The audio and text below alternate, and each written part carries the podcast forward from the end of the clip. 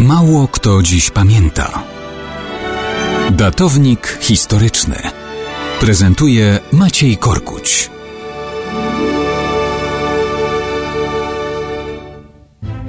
Mało kto dziś pamięta, przynajmniej w Polsce, że 22 czerwca 1941 roku nastał kres pewnej przyjaźni dwóch wąsatych panów.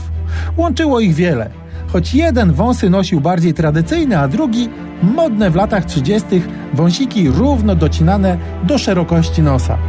Obaj byli bezwzględnymi dyktatorami, obaj byli w siebie zapatrzeni, łącząc cyniczną współpracę z równie cynicznymi planami podboju.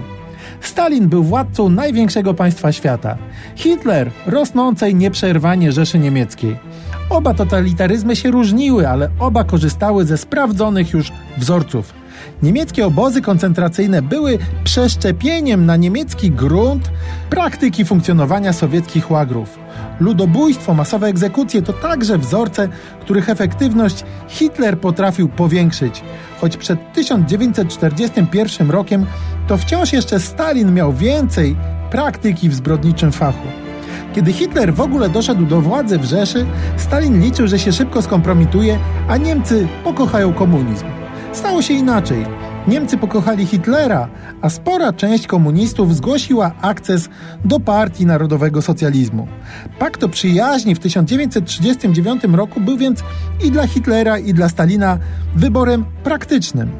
Pozwalał na sprawne połknięcie zarówno Polski, jak też innych krajów regionu. Stalin czekał, aż Hitler zacznie przegrywać wojnę na zachodzie. Wtedy Armia Czerwona miała wejść i posprzątać, budując już ogólnokontynentalny bolszewizm. Jak na złość Hitler Francję na zachodzie rozłożył, a 22 czerwca 1941 szorstką przyjaźń ze Stalinem definitywnie zakończył.